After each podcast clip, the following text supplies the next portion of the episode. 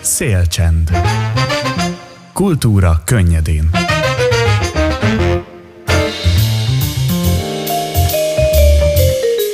Csoda szép napot kívánok mindenkinek, sziasztok, ez itt a Szélcsend, az rdfm én pedig Bugner Szidi vagyok. Február 7-e van, szerda, 11 óra és 10 perc, és el is kezdjük az RDFM kulturális műsorát rögtön egy beszélgetéssel, hiszen február 2-án frissített szereposztással mutatták be a Stúdió Színházban a Johanna, avagy Maradjunk már emberek című előadást Mohácsi János rendezésében. Az előadás legközelebb holnap este 7 órától lesz látható, ennek okán a Mohácsi János rendező és Móró Fruzsina harmadéves színészakos hallgató a vendégeim. Köszöntöm őket szeretettel, sziasztok! Szia, szia! Szia!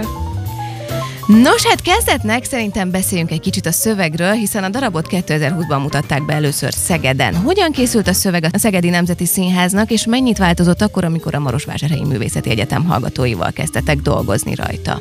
Hát igazából ez az egész szöveg, ez a Szegedi Színháznak a felkérésére született. Uh-huh. Kifejezetten Johanna történetet kértek tőlünk, és úgy, ahogy, azt, ahogy azt, arról mi gondolkodunk. Ami alatt most értem az öcsémet, Istvánt, illetve Kovács Marcit, a zeneszerzőt. És hát tulajdonképpen ilyen meseszerűen raktuk össze ezt a, ezt a kollásszerű történetet, aminek, hát amivel a legfontosabb az, hogy hát a, a, a történelemmel csak itt-ott, itt-ott találkozik, tehát né, néhány történelmi tény az alapja, az, hogy ez a lány megszületett, aztán megégették, és közben pedig egész félelmetes politikai tetteket vitt végre, és ezt próbáltuk valahogy megfogni, úgyhogy mégse egy történelemkönyvet mutassunk a, a nézőnek, illetve mindezt egy, egy olyan színházi nyelven, ahol meghatározó a zene. Uh-huh. Ez így, így jött létre. A, az, és hát a, a, a zene meg a szöveg azok folyamatosan párbeszédben álltak egymással az, az ős próba folyamatban és így alakult ki. Na most, amikor ide került, akkor az természetes volt, hogy ugyanazt nem lehet megcsinálni, mint, mint Szegeden. Ugye a az egy, egyrészt hát ez egy professzionális színház, gyakorló színészekkel, színházi színészekkel, Másrészt ugye hát él, nagyon komoly életkori különbségek vannak. Annak az előadásnak az átlag életkora inkább 40 pluszos volt, ez meg, ez meg jó, hogyha 20 pluszos. Tehát, de, de nem áll rosszul ennek az előadásnak ez a, ez a fajta életkor, sőt. Ugye a szegedi előadásban a színészek közül egyedül Ágoston Katalin volt látható fix szerepben a Johannaként, a többi színész több más szerepben tűnt fel. Ennél az előadásnál mindegyik lányán játsza Zsándárkot. Ez miben változtatott a produkción, akár adott-e hozzá valamiben az előadáshoz? Hát ez igazából én ezt nem tudom eldönteni, ezt csak a néző tudja eldönteni. A, az, lehet, lehet, hogy irodalmilag kellett volna vele foglalkozni, de aztán úgy gondoltam, hogy nem éri meg a befektetett munkát megmagyarázni, hogy miért nem egy ember játsza ezt a, ezt a dolgot. Ugye ez borzalmas egyszerű tény volt az, hogy hat végzős diák volt tavaly, vagy hat, hat meg mesteri első éves lány volt ebben a darabban, és így aztán hat felé vágtuk a, a, a Johanna szerepet. Hogy szerintem nem okoz zavart, az, az a mhm. gyanúm, hogy nem okoz zavart a, a, a nézőben. Azt, azt meg ugye nyilván mindenki tudja, aki, aki bejön, hogy egy, hogy egy egyetemi előadást lát, ahol, ahol mindenkinek járnak szerepek a abban a produkcióban, amiben van, és minél több szerep, és minél nagyobb, annál, annál jobb mindenkinek, nézőnek, színésznek, még a rendezőnek is. Nézőként elmondhatom, hogy egyáltalán nem okoz egyébként zavart. Győzelem. Ugye 2022. decemberében mutattátok be először a Színházban a Johannát, és a mostani bemutató egy frissített szereposztással zajlott. Hány új színész hallgató csatlakozott a munkához? Hát bizony 8, 12-en voltunk, illetve vagyunk most is és ebből nyolc ember hullott ki, ki elhagyta a, a pályát már most, ki pedig elszerződött, és lehetetlen volt egyeztetni, és így aztán a, a legkeményebb döntést hoztuk meg, hogy mindenki, aki, aki, aki nehezen egyeztethető, az attól, attól megváltunk, uh-huh. bármennyire is néhány esetben ez fájdalmas volt, vagy nem esett jól, nem csak, a, nem csak az illetőnek, hanem mondjuk a, a nekem se de ettől, de ettől függetlenül ez a, ez, ez a döntés született. hogy mindenki száz százalékkal tudjon részt venni, hiszen végül is egy két és fél hetes próbaidőszakról beszélünk. Frusna, te mikor csatlakoztál a szereplőgárdához? Én is most újonnan csatlakoztam, és a január 15-én kezdtük el a Igen. próbákat, úgyhogy nagyon rövid idő alatt kellett szerencsére, mint csapat felzárkózni, vagy szerintem azért egy szerencsés helyzet az, hogy nem két beugró van, hanem nyolc, hogy egészen más energiákat mozgat meg az, hogy nyolc ember akar minél jobban teljesíteni magáért, meg a csapatért két és fél hét alatt, hogy valami jó jöjjön létre, mint az, hogyha egyedül próbálsz beilleszkedni egy már meglévő előadásba, ez egy másfajta beugrás uh-huh. szerintem. Mindannyian egy osztályból vagytok, akik csatlakoztatok? Nem, azt hiszem, a mi osztályunkból öten vagyunk, és a másodévről csatlakoztak még hárman, igen. Tehát, hogy ez egy jó lehetőség arra, hogy a további évfolyamokkal is együtt dolgozzatok. Igen, az, azt nagyon éreztem a saját osztályunkon is, hogy jót tett ez a fajta mm, új közeg, hogy ö, három év után, persze előtte is voltunk már olyan projektekben, ahol más osztályokkal kellett együtt dolgozni, de hogy, hogy most azért ez egy intenzívebb munkafolyamat volt. Uh-huh Ö, és az is jó érzés volt, hogy negyedévesekkel, bocsánat, ötödévesekkel dolgoztunk együtt, mert tőlük is egészen másfajta dolgokat lehet tanulni nyilván, akár tapasztalat szintjén, akár nem tudom, én a Johannából fogom írni részben a szakdolgozatomat, és ültem az öltözőben, és azt se tudtam, hogy hogy kell elkezdeni egy tartalomjegyzéket, és akkor ott volt négy végzős lány, és szépen elmagyarázták, mm-hmm. hogy hogy kell egy ilyet megírni. Szóval sok szempontból lehet egymástól tanulni. És azt gondolom, hogy az is nagyon érzékeltő volt, hogy minden osztály teljesen másfajta energiákkal, vagy más csomaggal érkezett, mert mindenki mást hozott a saját osztályfőnökeitől, a saját csapatától, és ez is jót tesz szerintem egy közösségnek, hogy mindenki kicsit más alomból jön. Így van, rengeteget lehet tanulni egyébként egymástól ebben az egyetemi környezetben, meg főként azt gondolom. Nagyon kíváncsi vagyok, hiszen biztos vagyok benne, hogy változott az előadás az új szereplőknek köszönhetően. Miben fogható meg ez a változás, vagy hogyan fogalmaznátok ti ezt meg? Hát részemről az, az a helyzet, hogy kicsit messzebből futok neki, amikor másodszor csinálok meg egy előadást, vagy harmadszor, akkor ugye a legfontosabb feladatom az, hogy ne egy kinőtt zakót húzzak rá a színészekre. Uh-huh. Tehát nem az van, hogy előveszem a, az előadás felvételét, és számon kérem azt, hogy ki hova álljon, mert hogy, a, hogy, hogy valaha egyszer ott állt valaki. Tehát ez teljesen a, a sajátjuké kell, hogy legyen. Persze nyilván vannak olyan, olyan fontos pontok, amin, amin nem éri meg, vagy, vagy szinte lehetetlen változtatni. Tehát ilyen szempontból biztos, hogy változott. Másrészt ugye a, a, az ő energiájuk az, az ugyanolyan inspirálóan hat rám, mint remélem, hogy az, az, az enyém rájuk. Tehát engem is sokszor megmozgatott, és teljesen új dolgokat csináltunk. Zeneileg is a Marcival jutottunk egy-két nagyon jó megoldásra, amivel találkozhat az, aki holnap beteszi a lábát a stúdióba. Tehát, hogy, hogy, mondjam, az, ez, ez, ez, ez egy más, más előadás, mint, mint ami volt. Noha ugyanaz a címe, és, és ugyan, gyakorlatilag ugyanaz mhm. történik uh-huh. benne, de hát egy sokkal vitálisabb, és sokkal elevenebb, és, és hát bizony sokkal meghatóbb előadás lett belőle, mint ami, mint ami tavaly volt. Ti ezt színészként, Fruzsina, hogy éltétek meg belülről? Magát a beugrást? Vagy Magát a beugrást, és egyébként ezt a színészi szabadságot, hogyha lehet így fogalmazni.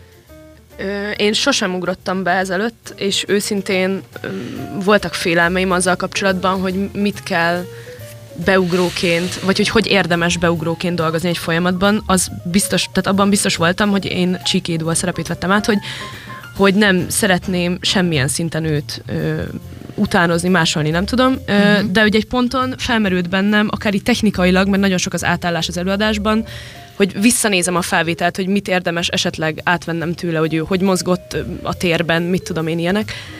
Ö, és olyan szempontból nagyon biztonságban éreztem magam ebben a történetben, hogy János, tehát hogy technikailag sem hagyott minket egyedül, egy percig, tehát hogyha egy percig is bizonytalanság volt abban, hogy akkor hogy legyen, nem éreztem azt, hogy most akkor másfél órán keresztül nekünk az egy szenvedés, hogy megoldjuk. Másrészt viszont ami először furcsa volt, és aztán egy nagyon nagy szabadságot adott, hogyha megvolt ez az alap bizalom, hogy fogja a kezünket nagyon sok szempontból, cserébe a karakterépítést például teljesen ránk bízta. Uh-huh. És mivel hát ez egy vitális pontja az előadásnak, hogy mindenkinek van minimum öt, de inkább több karaktere, ezért ez egy nagy falat is, hogy például, hogyha picit hasonló kvalitásokkal rendelkező karaktereket játszol, nálam, vagy az én esetemben például az udvarmester meg a bíró, akkor hogyan különíted el vagy hogy mi, mik azok az elemei, amiket jobban kiemelsz, és akkor először mindig jött az az inger bennem, vagy belőlem, hogy így kérdezgessek. De aztán éreztem, hogy ezt nem tehetem meg ebben a folyamatban, hogy folyamatosan azért áll a próba, mert nekem kérdéseim vannak, uh-huh. és az is egy nagy ö, tanulási folyamat volt ez alatt a két és fél hét alatt, hogy bízzak annyira magamban, hogyha ez nem is a bemutatóra lesz meg, de majd szépen kifejlődik, és nyilván, hogyha bármi kérdésem van, azt felteltem, de hogy azt mérlegelni, hogy, hogy terhelem-e azzal a csapat munkáját, hogy, hogy akkor mindig megállunk, hogy de azt miből kéne csinálni. És hogy eljutni arra a pontra, hogy te, mint színész hallgató, hozzá saját ötleteket, vagy, vagy merj abban bízni, hogy te most ide raksz valamit, és ha nem jó, akkor majd János megmondja, hogy ne erre menjél. És ebben szerintem volt egy nagyon nagy bizalmunk felé, vagy nagyon hamar kiépített egy ilyen bizalmat felénk, hogy, hogy majd úgy is szólni fog, hogyha nem jó. Öm, a, arra nagyon pontosan emlékszem, hogy, hogy a, a részegek premierről konkrétan átestünk az első próbára, és én azt hittem, hogy majd itt szépen megismerkedünk az egészen, már egy ideje ugye a ritmusokat gyakoroltuk, mert rengeteg ritmus van benne, és gyakorlatilag az történt, hogy az első nap 20 oldalt haladtunk a 80 oldalas szövegkönyvből, és én teljesen le voltam sokkolódva, mert nem készültem azzal, hogy így, hát az első 10 oldalnak tudtam a szövegét, nagyon jó színész hallgatóként, és uh, ott így realizálódott bennem, hogy hát igen, ez nem, ez nem egy ilyen közös kézenfogva sétálás lesz a Bójai utcán, uh, és fe, fel kellett ez zárkózni, és uh, őszintén az utolsó pár napig én nem voltam benne biztos, hogy a saját részem, vagy ez az egész úgy összerándul, hogy én azt tudjam mondani, hogy ez, ez most valamilyen szinten is kész van, és, és aztán szerintem megcsináltuk, vagy hogy nem volt orbitális nagy hiányérzetem a bemutató. Nyilván lehet mindig még hova csiszolni, de igazából így az, az volt a saját magam elé kitűzött célom, hogy, hogy, hogy már legyen egy olyan szinten, hogy tudjam élvezni, és aztán fejleszteni, és szerintem eljutottunk csapat, csapatosan arra a pontra, hogy, hogy ezt lehet együtt tovább vinni. Tehát akkor a próba folyamat az időszűke miatt feltételezem, hogy egy nagyon-nagyon koncentrált munka kellett, hogy legyen. Hát ez egy, ez egy, ez egy hát próbaidőszaknak kevés. A, a felújításnak sok, tehát ezt inkább nem beugrásnak nevezném, ami történt itt a nyolc emberre, hanem nagyon komoly szerepátvételnek, uh-huh. amikor el kell sajátítani és, és föl kell építeni magukat. A, persze, hogy, hogy nagyon rohanni kellett, tehát ez a 20 oldalas haladás, ez, ez azért volt, de azért is volt, mert azt is tudtam, hogy, vagy tudtuk Mártonnal, hogy borzalmasan kevés az idő, tehát nagyon uh-huh. meg mhm. kellett nyomni a ceruzát az elején. és azt is tudtam még, amit, amit nyilván Fruzsiék is észrevettek, hogy azt azért később jöttek a nagyon nehéz részek, tehát ami, amikor már, már, már nagyon alaposan szétszettünk mindent, és újra, újra összelegóztuk az egészet, hogy, hogy egy új, új Lego autó legyen belőle. Hát akkor nem kézenfogva sétáltatok a bolyain, hanem kézenfogva rohantatok a bolyain. Talán ezt lehet mondani. Melyek voltak egyébként a nagyon nehéz részek, vagy ha erről lehet-e beszélni mondjuk spoiler nélkül? Hát a csiga evés. Ez egy jó spoiler. Egyébként én még annyit hozzátennék, hogy nekem az, az volt még vagy az volt egy új tapasztalat, tapasztalás, vagy az volt egy ilyen nehezebb, vagy nagyobb falat, hogy az egyetemen azért hozzászokunk ahhoz, vagy hozzászoktatnak minket ahhoz, hogy addig gyakorolsz valamit, egy kisebb jelenetet is, ameddig azt nem érzed, hogy ez, ez most már félelem nélkül megy, és újabb és újabb dolgokat bele tudsz vinni. És ö, én a, tehát a saját nagyobb részeimnél, akár a zsendáknál, akár nem tudom, bármelyik másik nagyobb etapnál azt éreztem, hogy nem tartok még ott, hogy egyáltalán átlássam a helyzetet, hogy mit kéne játszanom. És nekem az volt a félelmem, hogy két és fél hét alatt nem fog annyiszor sor kerülni ezekre a jelenetekre, hogy el tudjak mélyülni benne, és ez is egy új, vagy hiszen ez egy nagy falat volt a próba folyamat során, hogy megtanulni úgy próbálni, ami eddig nem létezett a te, nem tudom, eszköztáradban, uh-huh. vagy hogy Mm. Hát ez nagyon mély víz volt mindenféleképpen ilyen szempontból, sőt, hát egyszer mondtam nekik azt a hasonlatot, amit szoktam használni hasonló esetben, hogy hát az ő mesterségük az olyan, pláne egy ilyen darabnál, mint, mint amilyen ez, ami, ami egészen érdekes viszonyban áll a valósággal, hogy föl kell menni a műugró toronyba, lenézni a medencébe, nincs benne víz, beleugrani, és ha jól ugrunk, akkor lesz benne víz, mire leérkezünk. Tehát varázsolni kell uh-huh. tulajdonképpen nekik, és, és, és mint hogy ez a szakmájuk, ehhez jó hozzászokni. Uh-huh. Hát ilyen szempontból is nagyon fontos tanulópénz az egyetem és e- ezek a, a, ezek a fajta munkák. Egyébként látva ezt az előadást, én még akkor az előző bemutatót láttam az előző szereposztással, azt fogalmaztam meg magamnak, hogy nagyon nagy hangsúly tevődik a nyelvjátékok, a színészi játék és a zene együttes összhatásából fakadó teatrális szituációk megteremtésére, és hát ez egy rendezői döntés. És akkor kérdeznélek először téged, János, hogy ezek már a szöveg szintjén egyértelműek, Hát, hogy, hogy mondjam, ez, ez végül is az, ez egy, ha tekintjük így, akkor nevezhetjük egy kísérletnek arra, hogy hogyan lehet a, a valóságról úgy beszélni, hogy semmiféle reális dolog nincsen uh-huh. a, nincs a színpadon. És mégis közvetlenül érintsük a, akár a, a, a, a nézőnek a, a, a, az érzékenységét, tehát így a magánéleti érzékenységét, akár, akár politikailag is hozzá, hozzászóljunk, noha semmiféleképpen nem a szájba nyekkentett párpolitika szintjén, hanem a nagy politikum szintjén, ugye, ugye a világhoz hozzá, hozzászólni, hogy, hogy mit, mit látok mondjuk én, meg Isó, meg Marci, meg, meg a, a színészek mit látnak ebből a, ebből, tehát hogy, hogy ők, ők hogyan akarnak, mivel akarnak hatni a közönségre. Uh-huh. Az is elég egyértelmű például számomra, hogyha már tematikáról beszélünk, hogy, hogy Szerintem eléggé kiemeli az előadás az Orleánsi Szűz férfi társadalomban való érvényesülését a mítoszból. Tehát, hogy azokkal a szituációkkal foglalkoztok, amelyekben a lány megpróbál kitörni és érvényt szerezni a maga akar- akaratának egy patriarchális társadalmi rendszerben. Ti ezt hogy látjátok? Vagy belülről ez hogyan érződik? Egy pillanat. Igazából én azon gondolkodtam közben, hogy szerintem, csak még az előző kérdéshez öm, egy picit visszacsatlakozva, Szerintem ezekben a jelenetekben az a, az a nagyon, ö, vagy az ad ezeknek a jeleneteknek egy nagyon nagy erőt, ö, hogy valahogy mindig, mindig a, akár a társadalmi lehetetlenségét emeli ki a szituációknak, hogy most spoilerezek egyet, van a, vagy nem tudom mennyire lehet spoilerezni, mindegy, van, van a falu jelenet, ahol igazából egy tragédiát látunk, és nem, nem onnan közelíti meg a darab, hogy hogy mit tudom én, egy történelemkönyvben, hogy lenne leírva egy ilyen falupusztítás, hanem egy nagyon abszurd módon, hogy az emberek közben hogyan kezdik ki egymást, vagy hogyan viszonyulnak ez a helyzethez, és az az igazság, hogy még azt sem tudom mondani, hogy ez nem reális, mert, mert az ember ennyire abszurd dolgokra képes egy ilyen szituációban, és én inkább ezt érzékelem ebben a darabban. Nyilván nagyon erősen benne van, ahogy nagyon sokszor létezik a darabban ez a mondat, hogy nő vagy, nő vagy. Uh-huh. Öm, és szerintem e- ez oda csatornázódik vissza, hogy alapvetően tényleg egy olyan társadalomban élünk, ami nagyon sokszor abszurd helyzeteket generál attól, ahogy működik, és nyilván egy patriarchális társadalomban működünk ma, akár Magyarországon, akár Erdélyben. Öm, és én alapvetően azt éreztem egy erős vonulatnak a darabban, ahogyan ez a társadalom működteti magát, amiben Johanna nem érzi jól magát, és nem tud jól lavírozni, és az összes jelenetben valahogy ez alá van húzva Ö, például van a végén a tárgyalás jelenet, és ott is beszéltük hárman, akik ö, alapvetően próbáljuk Johannát ö, ö, végül mágiára juttatni, hogy, hogy ha ezek a karakterek nem Szóval hogy igazából minden jelenetben megvan a társadalomnak az a rétege, akik, akik kiszolgálják és tovább ezt a társadalmat. Ö, most egy kicsit belebonyolodtam ebbe a mondatba, de mindegy, szóval válaszolva a kérdésedre, szerintem ez a nagyon erős vonulat ennek a darabnak, ez a fajta abszurditás, hogy egy ilyen társadalmat működtetünk. Uh-huh.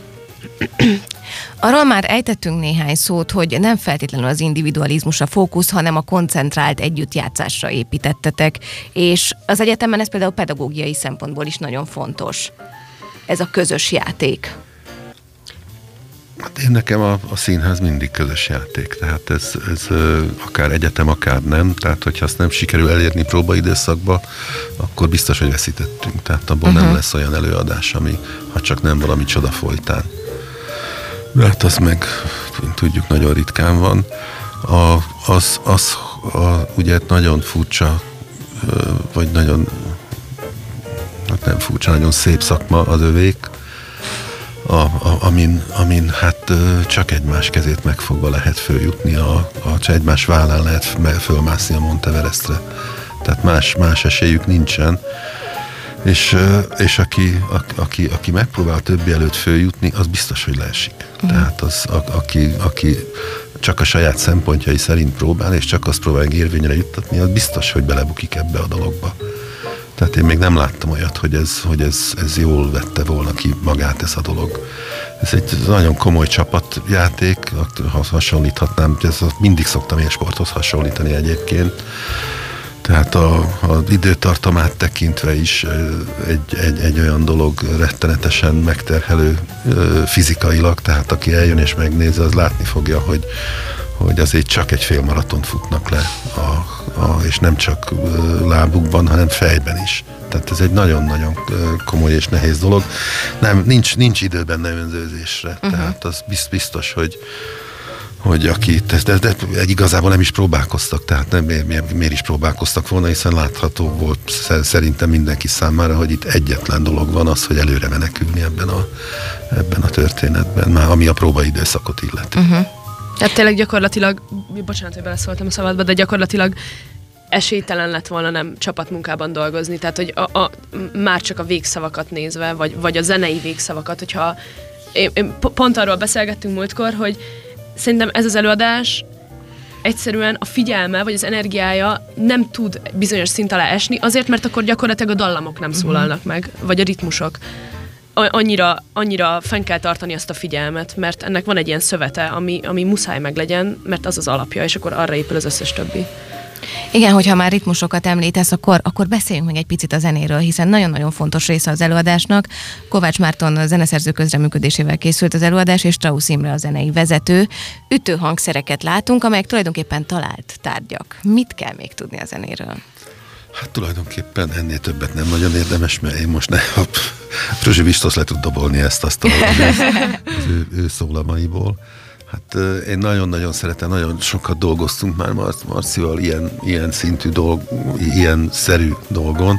Ilyen szintűn még nem, tehát amikor ennyire átszövi az előadást ez a, ez, ez a fajta tört, amikor ennyire a történet része és ennyire dramaturgiailag működik, ha most volt spoiler, akkor legyen még, mit tudom én, a, a Orleán ostrománál, ott tulajdonképpen csak ezekkel játszanak a, a fiúk-lányok. Tehát ez, ez, a, ez, a, ez ami ott azt a, a, a, a háborúról tud, tud valamit mondani ez a zene, amit egyébként hát borzalmas, furcsa lenne igazi háborút a színpadra vinni, tehát nem, nem hiszem, hogy egyáltalán sikerülne, és ha sikerülne is, akkor se jelentene semmit a puszta unalmon kívül.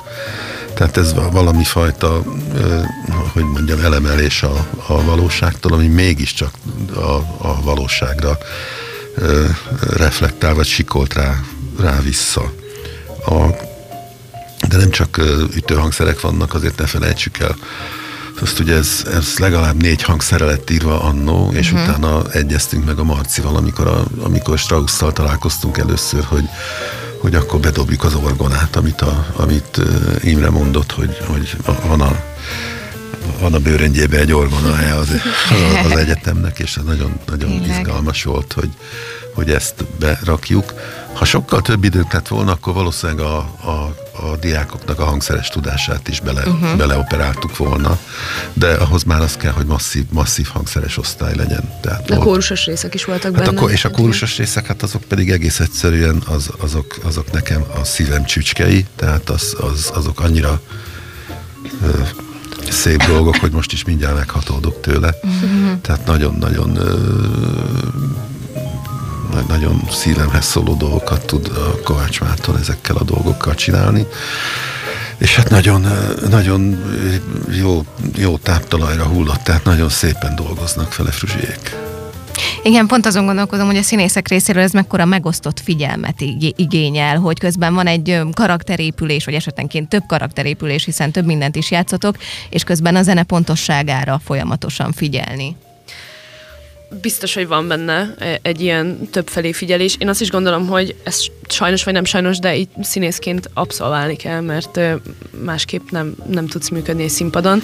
Nyilván ez, ez egy ilyen nagyon, tehát egy fokozottan nehezített terep volt most azzal, hogy volt, hogy ritmust ütöttünk, énekeltünk, közben figyeltünk Zsánra, aki éppen szenvedett.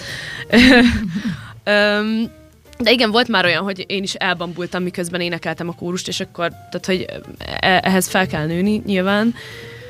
De azt is gondolom, hogy pont attól, hogy van egy ilyen koncentrált figyelme az embernek, mert, mert három felé is aktívan kell figyelni, ettől kap az egész egy ilyen nagyon jó fajta, szerintem is ez végigkíséri az előadást, vagy én azt gondolom, hogy ez érezhető belülről is, és remélem, hogy nézőként is kap egy jó fajta feszültséget.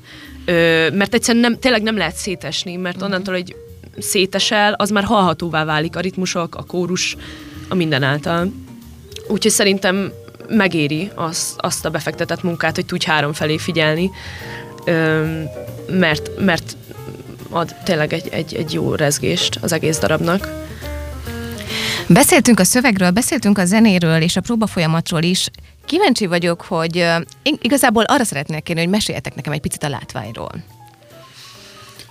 Hát a, a látvány az, ugye az egyetemről beszélünk, tehát egy, egy igen szegény színházi látvány, Bács Krisztina látványtervezőnek a, a munkája.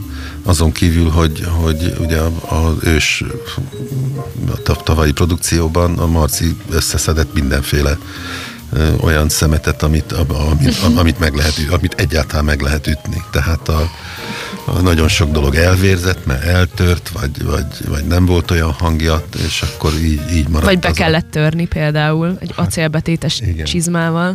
Na de hát az már egy új történet. Csodálatos sztori, igen. A Porsa Fruzsinának el, eltört, a, el, eltört a lavorja, amin, amin dobol, és akkor hoztak egy új lavort, de annak nem volt olyan a hangja és akkor a, a kollégája, a Dúl Bence megtaposta neki a lavort. tulajdonképpen ráugrott teljes testsúlyával, és így lett a lavornak ismét az a hangja, ami, amit, amit valaha tudott. Tehát a, a, igen, ez, ez is hozzátartozik a komoly színészi munkához, hogy időnként lavorokat törnek be a, a, azért, hogy hangoltak legyenek a lavorok.